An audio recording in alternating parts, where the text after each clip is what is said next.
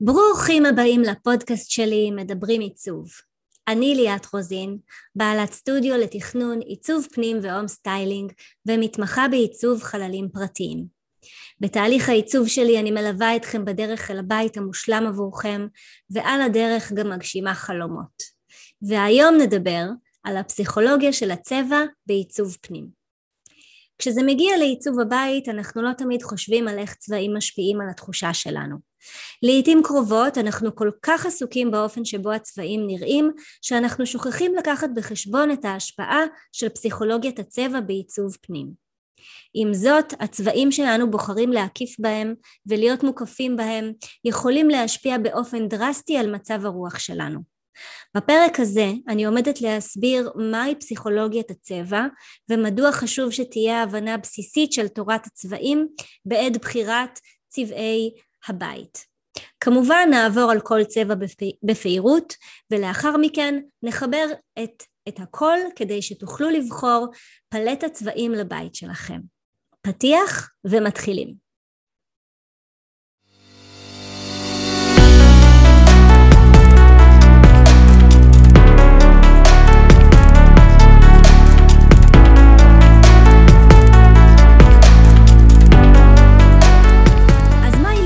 פסיכולוגיה צבע בעיצוב פנים.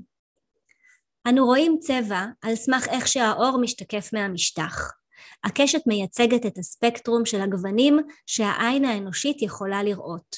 אדום, כתום, צהוב, ירוק, כחול, אינדיגו וסגול. ויקיפדיה מתארת את פסיכולוגיית הצבע כחקר הגוונים כגורם הקובע להתנהגות אנושית. תאמינו או לא, זה מתוארך למצרים הקדמונים שחקרו את השפעות הצבע על מצב הרוח והשתמשו בהם ליתרונות הוליסטיים. הם האמינו שהצבע האדום מגביר את זרימת הדם, כתום ממריץ וכחול מרגיע כאב. בעידן המודרני פסיכולוגיית הצבע משמשת לא רק בעיצוב פנים, אלא גם בעיצוב אדריכלי ושיווק. צבע מעורר תחושה ומסית רגש. גווני הקירות שתבחרו, יחד עם צבע הרהיטים והאביזרים שלכם, כולם יחד עובדים כדי ליצור מצב רוח. הנה סקירה קצרה של מדוע תורת הצבעים חשובה בעיצוב פנים, ולאחר מכן ניכנס לדקויות של התחושות והרגשות כשהם קשורים לצבעים ספציפיים. אז חשיבות תורת הצבע בעיצוב פנים. כאשר מחליטים על פלטת צבעים, חשוב לא רק להבין את פסיכולוגיית הצבע בעיצוב פנים, אלא גם מועיל להבין אילו גוונים הולכים יחד. כאן נכנס לתמונה גלגל הצבעים. ישנם שישה סוגים עיקריים של פלטות צבעים המבוססות על המקום שבו הגוונים שוכנים בגלגל הצבעים. חד גוני, משלים, מקביל, שלישייה ופיצול משלים. ניתן לקרוא עוד על תורת הצבעים ושימוש בגלגל הצבעים ברשת. ועכשיו לענייננו, הפסיכולוגיה של הצבע בעיצוב פנים. הנה סקירה כללית של כל צבע וכיצד הוא משפיע על מצב הרוח שלנו. אדום אדום הוא צבע חזק שיכול להיות נועז ודרמטי, מלא תשוקה ודרמה, או נעים, חם ואדמתי, תלוי בגוון. ארגמן בהיר למשל יכול ליצור דרמה בחדר, בעוד שגוונים חלודים נעימים יותר.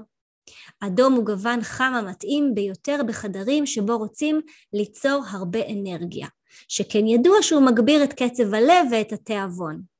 מטבחים ודלתות כניסה הם מקומות מצוינים לצבע אדום.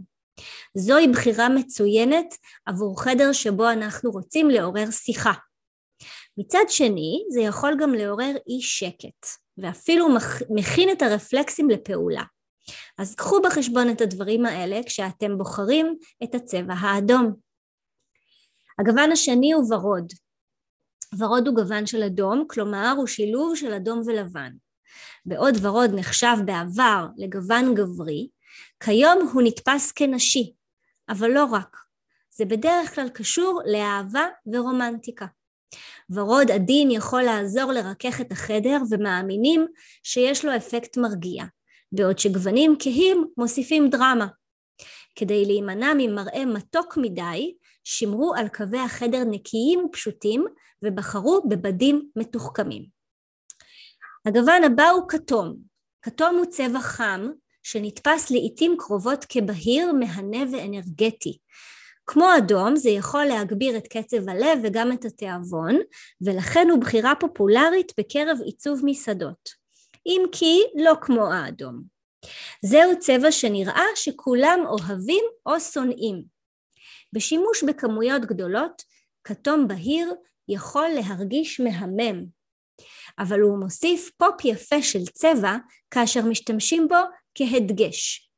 מצד שני, גוונים רכים יותר של תפוז כמו אפרסק וטרקוטה יכולים ליצור אווירה נעימה ומרגיעה. זהב הוא וריאציה רחוקה של כתום. הוא נותן מראה של יוקרה.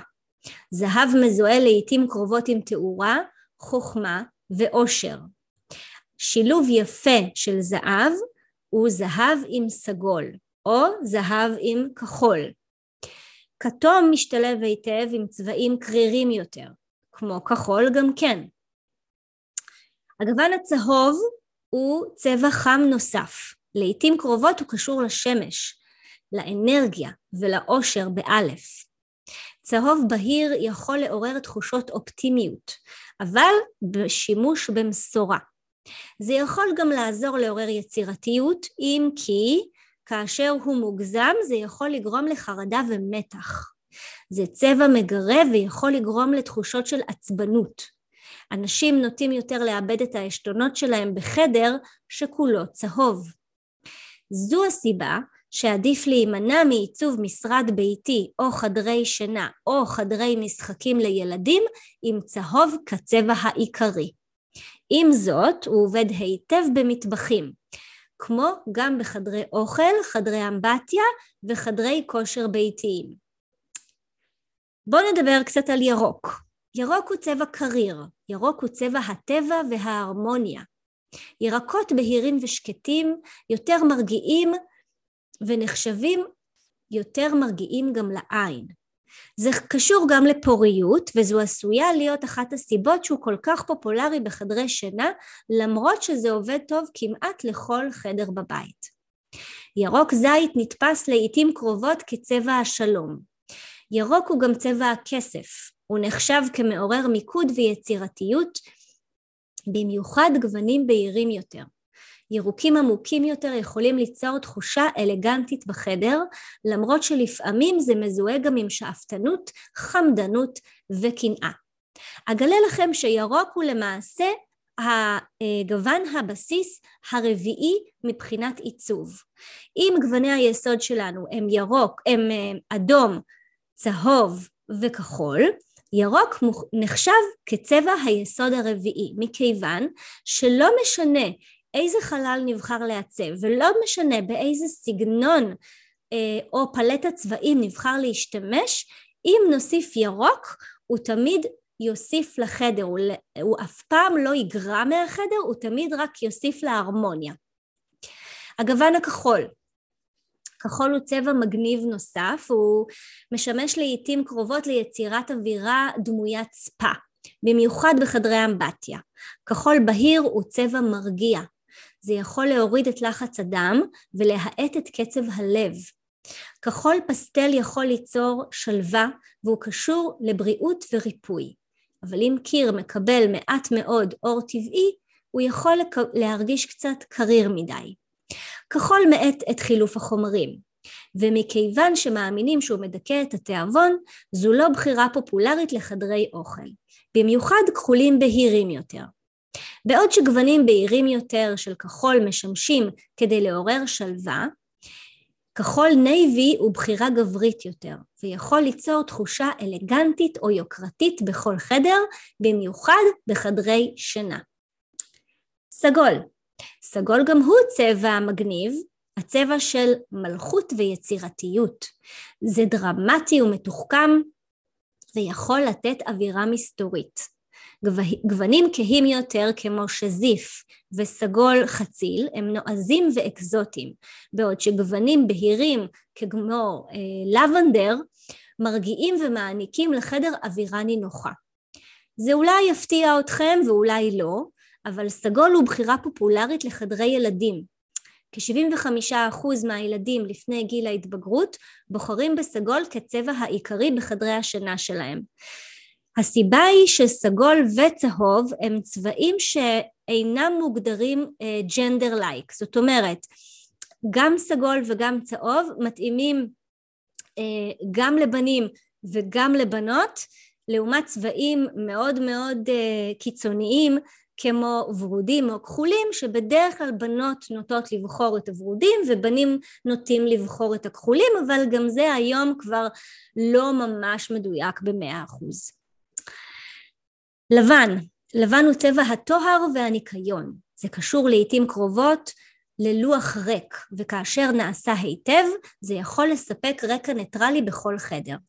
עם העלייה האחרונה בפופולריות של עיצוב סקנדינבי, יותר בעלי בתים ומעצבי פנים לומדים והולכים לעבר לבן על לבן בעיצוב הבית שלהם. בהתאם לאופן השימוש בו בבית, הוא יכול להרגיש רענן ומודרני או קר ועקר. פנים הבית הלבן צריך שיהיו בו חלקי אה, הדגשים מחושבים היטב כדי למנוע תחושה עקרה וקרה מדי.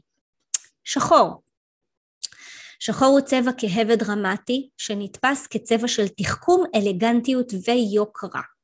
אמ, הדגשים שחורים הם נצחיים ושיקים, אבל כאשר נעשה בו שימוש בכמויות גדולות, חדר יכול בסופו של דבר להרגיש חשוך וקודר, כך שבדרך כלל עדיף להשתמש בשחור במינונים קטנים.